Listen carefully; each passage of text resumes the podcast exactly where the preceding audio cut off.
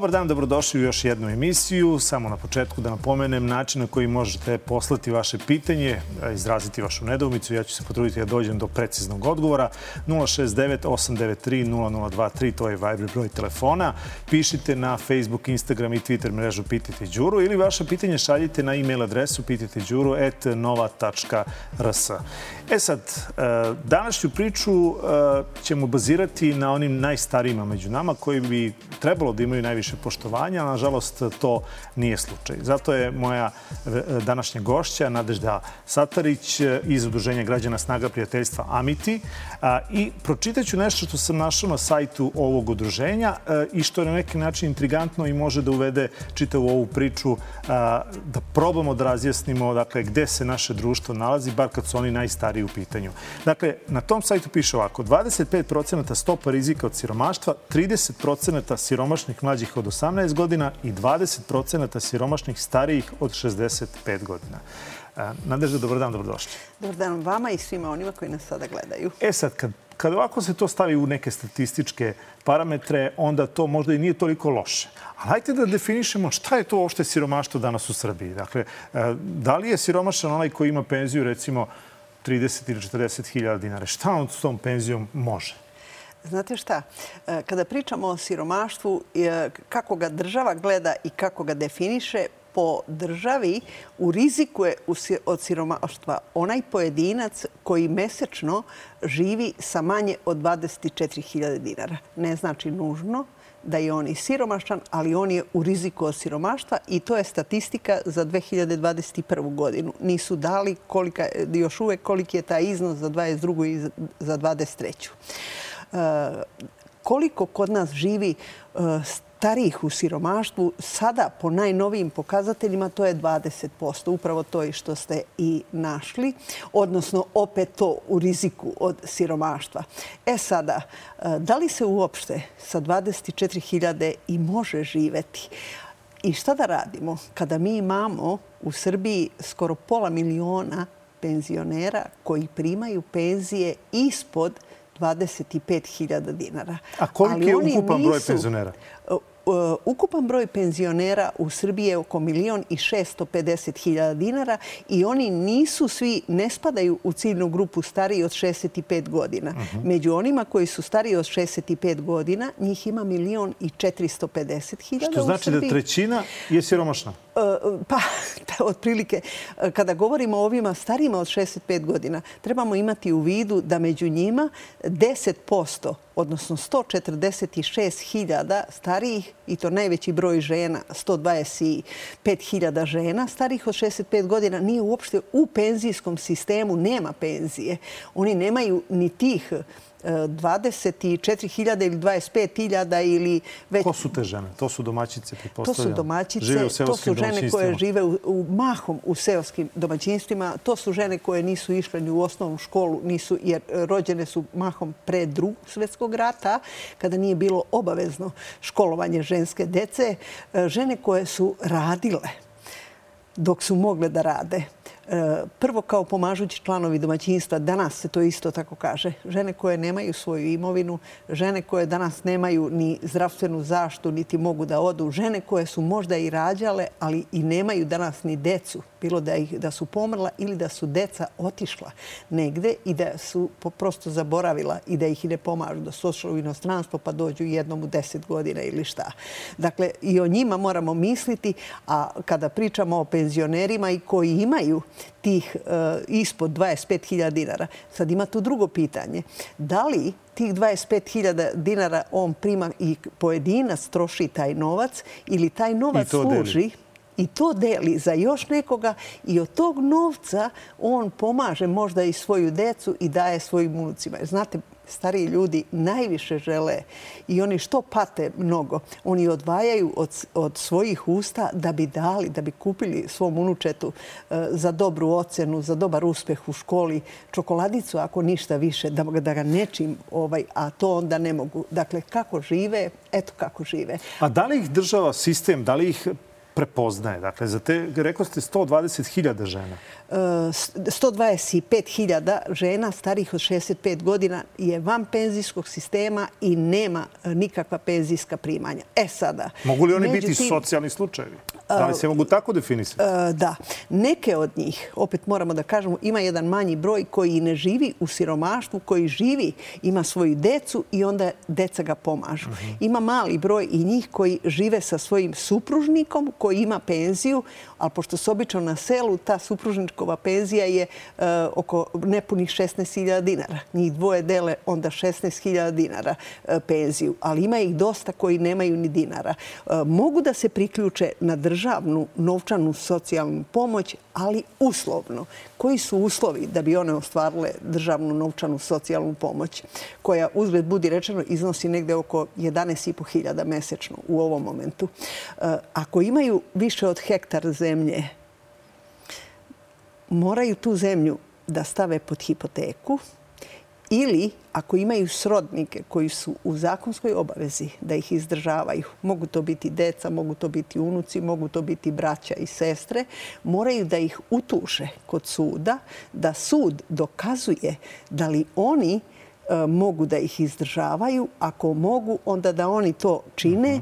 A ako ne mogu, onda će država dati njima novčanu socijalnu pomoć, ali će staviti hipoteku na tu zemlju da sutra, kada oni odu, da ne mogu naslednici da naslede zemlju dok prvo ne vrate državi ono što je davala. To je jedan uslov.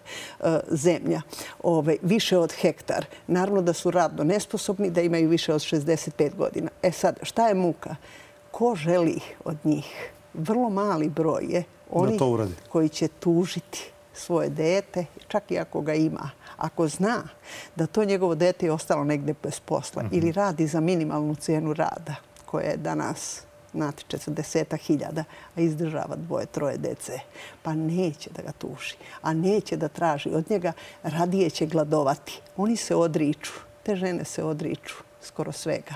One rade sa preko, i sa preko 80 godina u svojim onim bašticama, one kada ne mogu više ni da drže ovce ili koze, što je najmanje zahtevno, krave već ne mogu sa 85-90 godina ni da muzu, ni da hrane, niti da čiste oko njih. Kada ne mogu ni ovce više, njima ostaje kokoška nekada imaju.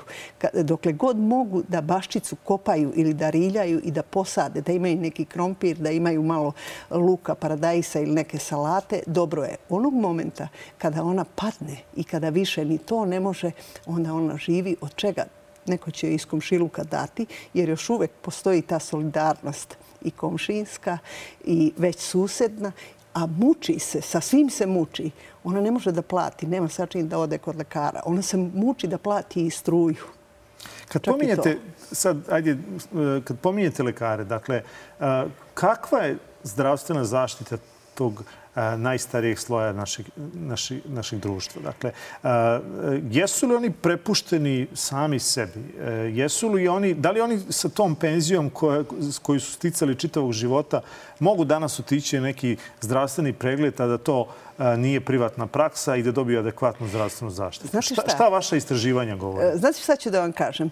Ove, e, svi mi, i ja sam sada u penziji, e, kada smo ono bili u radnom odnosu, radili i, i vi sada kada radite iz vašeg doprinosa se izdvajaju novci za penzijsko i za invalidsko i zdravstveno osiguranje. E, dok smo mladi, ređe smo bolesni, ne idemo čak ni na one preventivne kontrolne preglede i uglavnom ne koristimo usluge zdravstvene zaštite. Izeo kad nešto akutno bude i ne treba i nam, a svakog mjeseca se izdvaja. I sad je to ta solidarnost. Oni koji su bolesni, oni će se lečiti.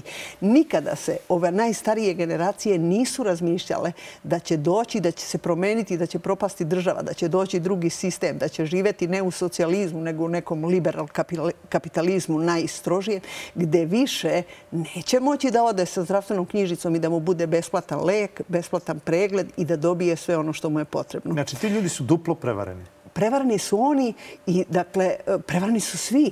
I oni koji danas rade, mnogi mladi se pitaju pa zašto ja izdvajam i plaćam zdravstveno kada za sve moram da idem kod privatnika. Ali država, koliko znam, nam ne dozvoljava da mi biramo da... Ne, nema. Vi morate da platite državno. A onda dodatno vi možete da platite i kod privatnika i da idete. Kod države niti možete da obavite sve diagnostičke procedure, niti možete da obavite sve terapeutske kod starijih. Ako treba e, operacija katarakte, čeka se dve godine. Znate, neko ko ima 80 godina danas i ne vidi i ode sada i vi ćete njemu zakazati sad za 2025. godinu. Znate, e, to je, rekla bih, onako, jedan loš osjećaj.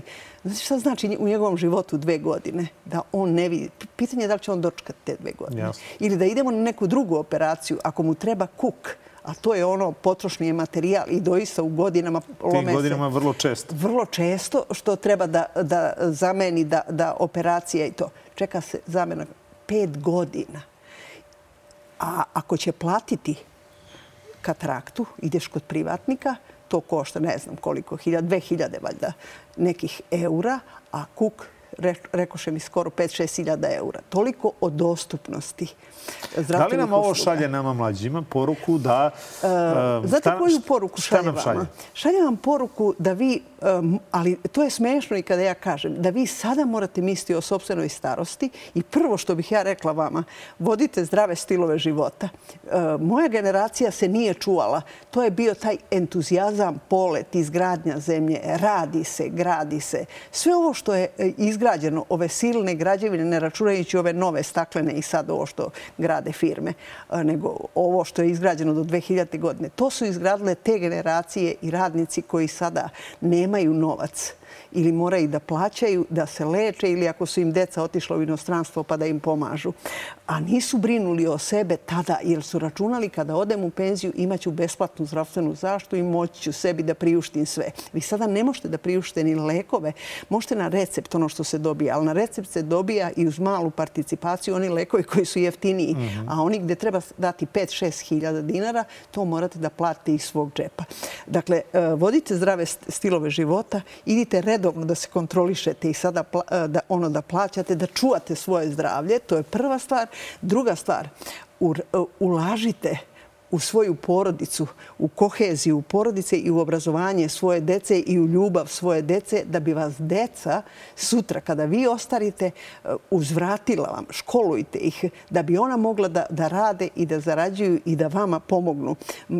U mnogim porodicama sada gde su stariji nisu imali vremena ni za svoju decu i danas mi imamo probleme i da ih i maltretiraju i tako dalje. I treća stvar koju se vam kažem, nemojte se osloniti samo na državno osiguranje i fondove ovo PIO što uplaćujete i da tu očekujete da će vam biti penzija ne znam kolika tim pre kada znamo koliko ih ima i rade za minimalnu cenu rada. Znači već negdje sa 40 da razmišljamo o onih 80 ako ih doživi. Apsolutno. Nego ili idite na neka dodatna ta osiguranja ili kako znate i umete odvajajte svak, ono ako može da se odvaja. Ali ovo kada kažem neko će kasti šta nam priča ova gospođa ja ne mogu da sastavim kraj s krajem ni danas a ona priča da odvajam za staro starost, jer je pitanje da ću dočekati tu starost. Budite optimisti i budimo svi optimisti, dočekat ćete starost, zašto da ne. Ali prosto e, sad razmišljajte. Moja generacija nije razmišljala na taj način. Mogu li biti penzioneri optimisti da će ono što im je uzeto biti vraćeno? Mislim na ovo poslednje koje... Mislite na ono 2014. 2018. Ma ne. Ma ne, ma ne ma ne. Prvo, i kada je uzimano, to je uzimano da se niko nije ni pitao od penzionera, nego su jednostavno uzeli, a onda su samo izlazili na televiziju i govorili kako su penzioneri najviše razumeju i spasli su, ne znam, budžet. Gde mogu penzioneri ali evo, da spasu? To sad kad mi govorite, prosto ne mogu da vas ne pitam, iako smo se dogovorili da nećemo o politici, ali evo, ne, nije to političko pitanje, to je prosto pitanje zdravog razuma. Dakle, kako onda ti isti penzioneri sa kojima ste vi u svakodnevnom kontaktu i s kojima razgovarate, kako vam opravdaju kad, ih, kad ih vi pitate, pa jel vi verujete da ćete, da ćete ovo što ste pomogli državu, da će vam to biti vraćeno? Šta vam oni kažu? Kako nalaze opravdanje Znate ili ošte neće da priznaju da, to, da se tome i ne nadaju? E, znate šta? E, mnogi od penzionera, nažalost, se povukli i nisu aktivni i sede u kući, a 24 sata sa svih strana ih sa televizije bombarduju o boljem životu, o napretku, o tome kako smo mi lideri, o tome kako su oni najveći doprinos dali, kako su spasli, kako spašavaju ovu zemlju. I kako nikad penzije nisu bile veće. I kako penzije nikada bi su e, veće. I sad neko ko sedi u kući i gleda te i sluša te lepe priče, onaj ko otvori sobstveni novčanik i koji vidi u čemu je on, ili otvori sobstveni frižider, u koji ne može da stavi ni najjeftiniju kobasicu da kupi, ni da stavi neku pašteticu najjeftiniju da... Nema ništa. Prazno je. Kupit će mleka malo, ako i to, i to je sad ne znam koliko. Dakle, sve je redukovao. On počne onda i da se razmišlja, pa čekaj, kako to svima tamo okolo je toliko dobro, a meni nije. I mnogi su i nezadovoljni, ali šta će? Kažu, plaše se i u strahu su, može biti još gore. I to je ono što ih e, drži. Ovaj, a inače, od tog vraćanja... A može li od toga gore? Dakle, mislim, 21. Pa- vek je mi pričamo o tome da li neko kupuje liter ili dva mleka ili da li kupuje pa paštetu ili tome slično. E, da mi budemo načisto od korone, ovo kad je bilo 20. godine, od tada je, ja bih rekla, sunovrat standarda životnog i penzionera, ali posebno onih starijih od 65+, plus, a rekla bih i da je i mnogih mlađih, pa i plate prosečne nisu nešto, Bog zna šta, da može da se zadovolji. Koliko ih sad ljudi ide na ovaj, odmore preko leta, koliko ih na more, koliko ih ide zimi na skijanje. Ipak u ranije, u vreme pre 2000. godine, radničke porodice su išle. Išle su, vodile su svoju decu. Sada mogu da idu izabrani pojedinci i onda će oni nama reći kako su sve destinacije ili sve te turističke agencije popunjeni. Pa da, koliki su ti kapaciteti i mi imamo 5% ljudi koji imaju sve i kojima je apsolutno mogu. I oni su ti koji to sve popunjavaju. A nije ovaj običan dole svet. Mnogo je veći broj. Da se vratimo sad još malo na matematiku. Dakle, kad pominjemo penzije, ajde da razjasnimo to koliko su zaista penzije u Srbiji. Jer je ti prosjeci koje mi čujemo sa TV ekrana, kad nam saopštavaju predstavnici vlasti, vrlo često mogu biti varka. E, oni nominalno jesu uvek veći. I uvek se priča da, nikad nije bilo veća nego što je to. Ali vrednost te penzije u odnosu na ono čemu ona služi, da se poplate sve dažbine prema državi i da se kupi osnovno što treba i povećani su troškovi lečenja i nege, makar kod starijih ljudi i kod penzionera, sve manje ostaje to i onda ljudi se odriču. Odriču se kulture, odriču se eh, odlaska na rehabilitacione tretmane, odriču se skupljih lekova, odriču se čak i nekih diagnostičkih pregleda. Ide se eh, samo za ono što se mora. A i od ono što imaju malo, gledaju prvo da plate državi, jer oni doista ne žele nikom da duguju, otiće sutra na onaj svet, a neko će onda ovaj, da ne ostanu dužni i da njihovu decu ne zaduže da ona nešto moraju plaćati. Ako mogu nešto od te penzije da odvoje za svoje unuke, bit će dobro. Ako ne mogu, onda sa tim raspolažu što imaju. U boljoj su situaciji oni koji imaju decu gde su stabilni odnosi i da ta deca da žive ili u inostranstvu ili da zarađuju dobro i ovde, pa da se mogu osloniti na decu da im pomognu, to bude dobra vesta. Ali veliki broj njih ne mogu da žive dobro. Može, po mojoj nekoj proceni, može da živi, ne da kažem dobro, ali ipak dostojanstvenije i kvalitetnije penzioner koji ima 50.000 dinara penziju i da ih je, ne znam, dvoje Koliko ih je takvih procentualno? E, dakle, e, znam podatak da manje od prosečne penzije koja je u ovom momentu negde 37.800 dinara, skoro milion penzionera, 982.000. Od milion i 500? Od milion i 650. Milion i 650. Prima manje od 37.800 dinara. A više od 50 hiljada dinara, ne mogu tačno da kažem, ali manje, mnogo manje. Mhm, da. Mhm, mhm. Tako da, kada pričamo o penzionerima, dosta je rastegljiva ta grupa, ali ipak većina ima ispod te prosečne. A samo još da kažem jedan detalj. I ta prosečna penzija je manja od cene minimalne potrošačke korpe. Znači, ni za potrošačku korpu? Ni za potrošačku korpu. A gde je struja, komunalije i sve ostale dažbine koje moraju da se. Da, dakle, sve ukupno pogoršavaju se, pogoršava se materijalni položaj. Da li je Bez obzira što mhm. nominalno penzije rastu, oni drže i zato nama sve češće... One manje vrede, jasno. One manje vrede i zato nama uh, stalno pričaju uh, sada koliko u evrima će penzije da rastu. Vi čujete da oni kažu da će penzije biti, ne znam, plati će biti hiljadu evra, to govore, uh, 25. valjda, mislim da mhm, tako, mhm. a penzije će biti 460 evra. A zakucali su evro na 117? A zakucali su evro na 117 dinara. Dakle, prva stvar koja se desila i šta se dešava, šta ja gledam, e, ne žive, dakle, ni ovi sa platama, Bog zna kako, u našoj zemlji, ali 2012. godine prosečna penzija u odnosu na prosečnu platu iznosila je 62%. Dobro. 2022. godine, decembar mesec, prosečna penzija u odnosu na prosečnu platu iznosila je 40%.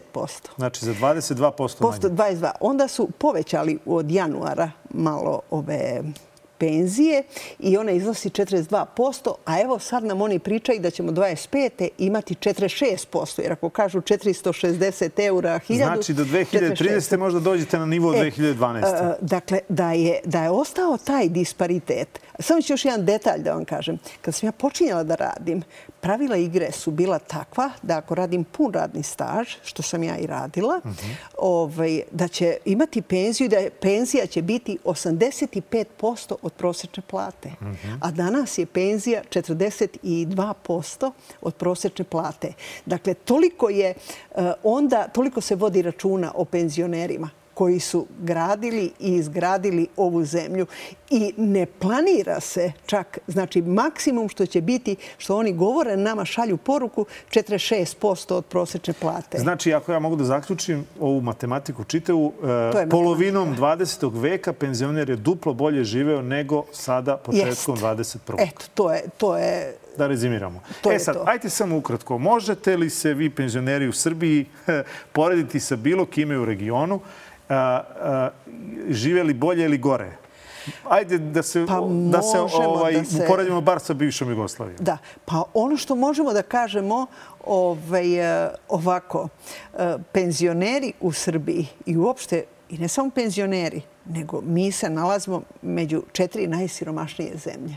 Možemo da se poredimo sa Bosnom i Hercegovinom, sa Albanijom, sa Severnom Makedonijom i Srbija. To su vam četiri zemlje, ne samo od bivših jugoslovenskih republika. Gde koji evro razlika? Gde koji evro razlika? E, mnogo bolji stoje Hrvatska, Slovenija stoji još bolje, ali u Hrvatskoj su uveli tu socijalnu penziju za one koji nemaju Mhm. za onih recimo 120.000 žena o kojima smo pričali ili 25.000 muškarca koji su van penskog sistema i oni daju neki 110 eura. Država im garantuje e, za one koji su radili ispod 15 godina radnog staža. Oni imaju svu tu socijalnu penziju bez ikakvog uslovljavanja. Da li tu spadaju i ljudi koji su bili čitav život poljoprivrednici, a nisu imali prijavljeno poljoprivredno? Tako je. Uh, oni bi trebali da spadaju, ali ne dobijaju. Mi se borimo za to. Mi smo potpisnici Evropske socijalne povelje i ne znam i član 23 smo ratifikovali koji kaže da je svaka država dužna da obezbedi minimum materijalne egzistencije svakom starijem od 65 godina koji nema. Znači, od tih socijalnih penzija još ništa? Još uvek ništa, a mi za njih zagovaramo iz civilnog društva i ne samo iz civilnog društva. Od 2003. godine kad smo pravili 20 godina, dakle, kada smo pravili prvu strategiju za smenjenje siromaštva. 2005. godine bila sam članica radne grupe za izradu e, nacionalne strategije o starenju i u njoj je e, decidno zapisano kao jedna od mera e, koje treba preduzeti za poboljšanje materijalnog položaja starijih ljudi je uvođenje socijalnih penzija. Oročeno je da se to uradi do 2007. godine. Upravo za one koji su radili uplaćivali doprinose, a manje od 15 godina, što je kod nas granica da se može otići u penziju i za oni koji nemaju prihode. Do danas nije to ništa urađeno. Svoj radni vek proveli ste kao socijalna radnica. Jeste. Tako. I sad mi vrlo često čujemo te loše vesti, da li je u pitanju porodično nasilje, da li je e, u pitanju neko ko je umro na ulici od, od, od gladi, od bede i svega toga. E, šta rade te socijalne službe? Može li se tu uprti prst samo u njih? Ne, najvjerojatnije ne može, ali prosto kako to funkcioniše? Da li vi sad kad pomenete tu ženu koja je negde u nekom selu u, u recimo istočnoj Srbiji, da li nju iko obiđe? Ima li on e, na svom radnom zadatku obavezu da tu ženu jednom u, ne znam, u dve nedelje ili jednom bar u mjesec dana da obiđe tu, da vidi da li uopšte živa, kako živi? Ako nema komšije. Hoću nešto da vam kažem. Potpuno je drugo bilo 70. godina kada sam ja recimo učila za socijalnu radnicu i kada sam počinjala da radim. Pa tada je bila sramota otići u socijalno, kako to zove narod, u Centar za socijalni rad, to je organ stratejstva države koji je zadužen da brine i da vodi ta socijalna pitanja za siromašne, za nemoćne, za one koji su nalaze u problemu i u socijalnoj potrebi. Sirom, bila je sramota. Tamo su doista odlazili uh, oni koji su invalidi, koji su ostali sami ono, posle rata, deca koja su ostala bez roditelja i neke smo imali, kad, uglavnom to, deca stari i osobe sa invaliditetom, deca sa smednjama u razvoju pa njihovi roditelji. Danas je ta problematika do te mere raširena. Počelo je kasnije sa drogom, narkomanijom, pa je onda počela trgovina ljudima, pa nasilje koje se nije ni govorilo tada kako nasilje prema članovima porodice i prema najstarijima. Bilo je njega i u to vreme, ali nije to bila toliko pojava izražena i da bi te socijalne službe. A bilo je mnogo više socijalnih radnika. Imala je svaka fabrika socijalnog radnika i tamo će socijalni radnik reagovati i videti, e, kazat će mu poslovođa kada neki sa nekim radnikom nešto nije u redu, bilo da, da, da vidi, onda da vidi o čemu se radi u njegovoj porodici, da se pomogne, jer se znalo da mu taj radnik treba u fabrici da radi. Danas, da, e, sve se tovari na socijalne službe i na centre za socijalni rad, a toliko je problematike prošireno u porodicama. Lepeza različitih problema, pa nama bi trebao socijalni radnik za svaki kvart za svaku zgradu veću stambenu po jedan, pa ne bi mogao da razreši i ne bi mogao da zna šta se događa. I mi danas imamo da u sred Beograda nama neko dete tamo dozvolimo da ga roditelj ne upiše ono koji brine o njemu. Još je ono bilo pod službama, pod nekim nadzorom, jer su službe državne dodelile starateljstvo ocu, a oduzele su majici. A dalje i Centar za socijalni rad je bio uključen i to dete napunilo 8 godina i ne ide u školu, nije upisano u školu. Vidite koliko ima tih gepova i propusta. Mi danas imamo situacije da su e, stari ljudi ono izgoreli ili umrli, pa niko nije otišao u stanu i to. Mi danas imamo nasilje prema starijima u porodici toliko. Imamo mnogo nasilja iz koristoljublja. Čak i te penzije, ma kolike da su im. A posebno je nasilje prema onima koji su živali i radili u inostranstvu, pa dođu i sad ovde misla i oni vole da se pohvale. Kao... Koliko, kako uopšte dođu te eh, te eh, situacije do vas? Dakle, kad vi kažete mnogo, mislim, ajde da probamo da definišemo. Teško je to u broju reći. Teško, ali... je, teško je u broju. Ja prvo analiziram i bavim se analizom izveštaja Centara za socijalni rad na nivou Srbije. Uh mhm. -huh. Jednom godišnji Republički zavod za socijalnu zaštu izdaje i tamo to što vidimo to je vrh ledenog brega uh -huh. i mhm. statistiku e, ovaj, Republičkog zavoda za statistiku. E, čitamo novinske članke. Dakle, samo u ovoj godini, danas, e, do, evo, za četiri mjeseca prva, među 14 ubijenih žena u Srbiji, računajući i maloletne i devojčice, pet je oni koje su starije od 65 godina, ubijene žene. Dakle, čitamo. I onda vidimo iz novinskih planaka... I to je sve porodično nasilje? Uh, uglavnom porodično nasilje. Uglavnom ili koristoljublje ili sin ubio pa se i ne zna šta, poremećeni porodični odnosi i i tako dalje i tako dalje. Znate, to i ko će tu onda da pomogne? Ne može se sve prebaciti na centre. Mnogo toga se dogodilo u ovoj našoj zemlji posle ratova. Ove, mi, smo, mi samo pričamo da nam je porodica osnova društva i da je sve, ali mi vrlo malo radimo na, da, na očuvanju porodice. E, šta se prvo uradilo? Sve nam je došlo ja bih rekla ovo sa zapada. Radilo se do 2000. godine izutra od 6 sati do 2 u firmi. To je bila smena. Ili od 7 do 3. i posle dva, odnosno tri sata, eh, i roditelji su imali vremena i za svoju decu, imali su vremena da prirede sa njima i zajedničku večeru ili zajednički ručak vikendom. Danas oni su pomerili radno vreme da bude od 9 do 5, a nije ni to dovoljno, nego radite ne 9 e, do 5, nego dok ne završite posao do 8, praktično vaša deca su prepuštena ili društvenim mrežama ili vršnjačkoj grupi na ulici. Škola ona je sada obrazovna, a sve manje gubi onu vaspitnu funkciju koju je imala i tamo morate sve da plaćate. I onda mi imamo to što imamo, nikad više vršnjačkog nasilja, jer roditelji ne mogu da imaju kontrolu. Oni trče s posla na posao da zarade, da plate ono osnovno i kaže ja sam moje uradio, ja sam zaradio da bi mu mm, omogućio i dao šta se događa. Kad pominjete nasilje, eh, također smo slušali i o nasilju u domovima za stare. E, to je jedna posebna tema. E, ko to otvara, ko to drži, ko to kontroliše, što je možda najbolje pitanje u čitovoj priči? Da. Ove, dakle, ja sam radila 25 godina u državnim domovima za stare. Počela sam rad, to mi prvi posao bio u domu na Karaburmi do 83. godine. Kad je otvoren dom Bežadinska kosa, u njemu sam radila kao socijalna radnica do 2000. godine. E, veoma redko je bilo nasilja u domu.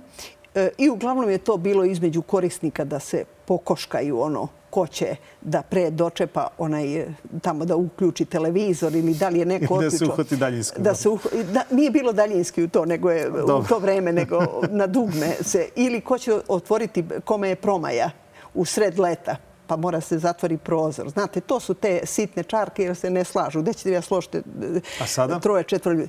Danas situacija se potpuno promenila. Mi danas imamo nasilje na svim relacijama u domovima. Nasilja od strane posetilaca srodnika njihovih. Jer oni su smestili tamo, ako nisu završili ono sa potpisivanjem oni ugovora, kome će imovinu već i šta, onda dolaze tu da, da mešetare i da... Doživotno izdržavanje. Doživotno izdržavanje i sve ostalo. E, ili već druge osobe ako nemaju srodnike. Imate na, nasilja između korisnika. Imate nasilja između zaposleni, zaposleni prema korisnicima. Korisnika prema zaposlenim. Zašto imate nasilje e, zaposlenih prema korisnika? Jer je toliko malo osoba osoblja koje radi sa njima. A toliko tamo niko ne ide što je od lepote i ono da uživa u svojoj starosti. Tamo idu ljudi danas psihički izmenjeni. U privatnim domovima e, najveća većina je oni koji su oboljeli obolili od demencije. To osoblje niti je dovoljno edukovano kako da se vlada, kako da postupa, kako da komunicira sa tim ljudima, kako da im pruži negu. Oni imaju zadatke od svojih pretpostavljanja da mora da uradi tačno u određenu minutu ovo ili ono i ono onda se ponaša nasilno, uopšte nije svestan da se ponaša nasilno. Imaju onaj sindrom izgaranja, ne daju im ni slobodne dane, niti da e, već šta sve treba. Na sve strane, ko kontroliše? Trebalo bi da kontroliše inspekcija Ministarstva rada, jeste. E, to je jedno po službenoj dužnosti zaštitnih građana je taj koji ima pravo da uđe i da kontroliše. Sada po najnovijem zakonu ovaj, iz 21. godine i zato smo se mi iz civilnog društva zalagali godinama, e, mogu čak i iz organizacija civilnog društva, e, ali oni naravno koji poznaju i koji su radili, koji se bave tom problematikom, ali naravno uz odobrenje države. Šta je država uradila? Skupo je to igračka domovi. Od odavno ne otvara, iako se povećava potreba za domovima i to ovaj, držav, ne širi kapacitete državnih. Sve je pustila privatni? Prepustila je privatni. Zašto? Pa neka e, kod privatnicima to naplaćuju. Jeste. Imamo negde oko 9000 mesta kapaciteta u državnim domovima, a više nego 9000 u privatnim. I sad imate samo u Beogradu više od 150 privatnih domova. Ima ih koji korektno se bave i žele da na pošten način zarade. Naravno da im je profit na prvom mestu, ali da pruže kvalitetnu uslugu i da zarade. Ali nisu svi takvi i oto da imamo ove afere silne po domovima. I za kraj još jedno pitanje. Dakle, šta je sa beskućnicima? Beskućnika prvi put, smo ih prvi put smo ih su bili evidentirani u popisu iz 2011. godine.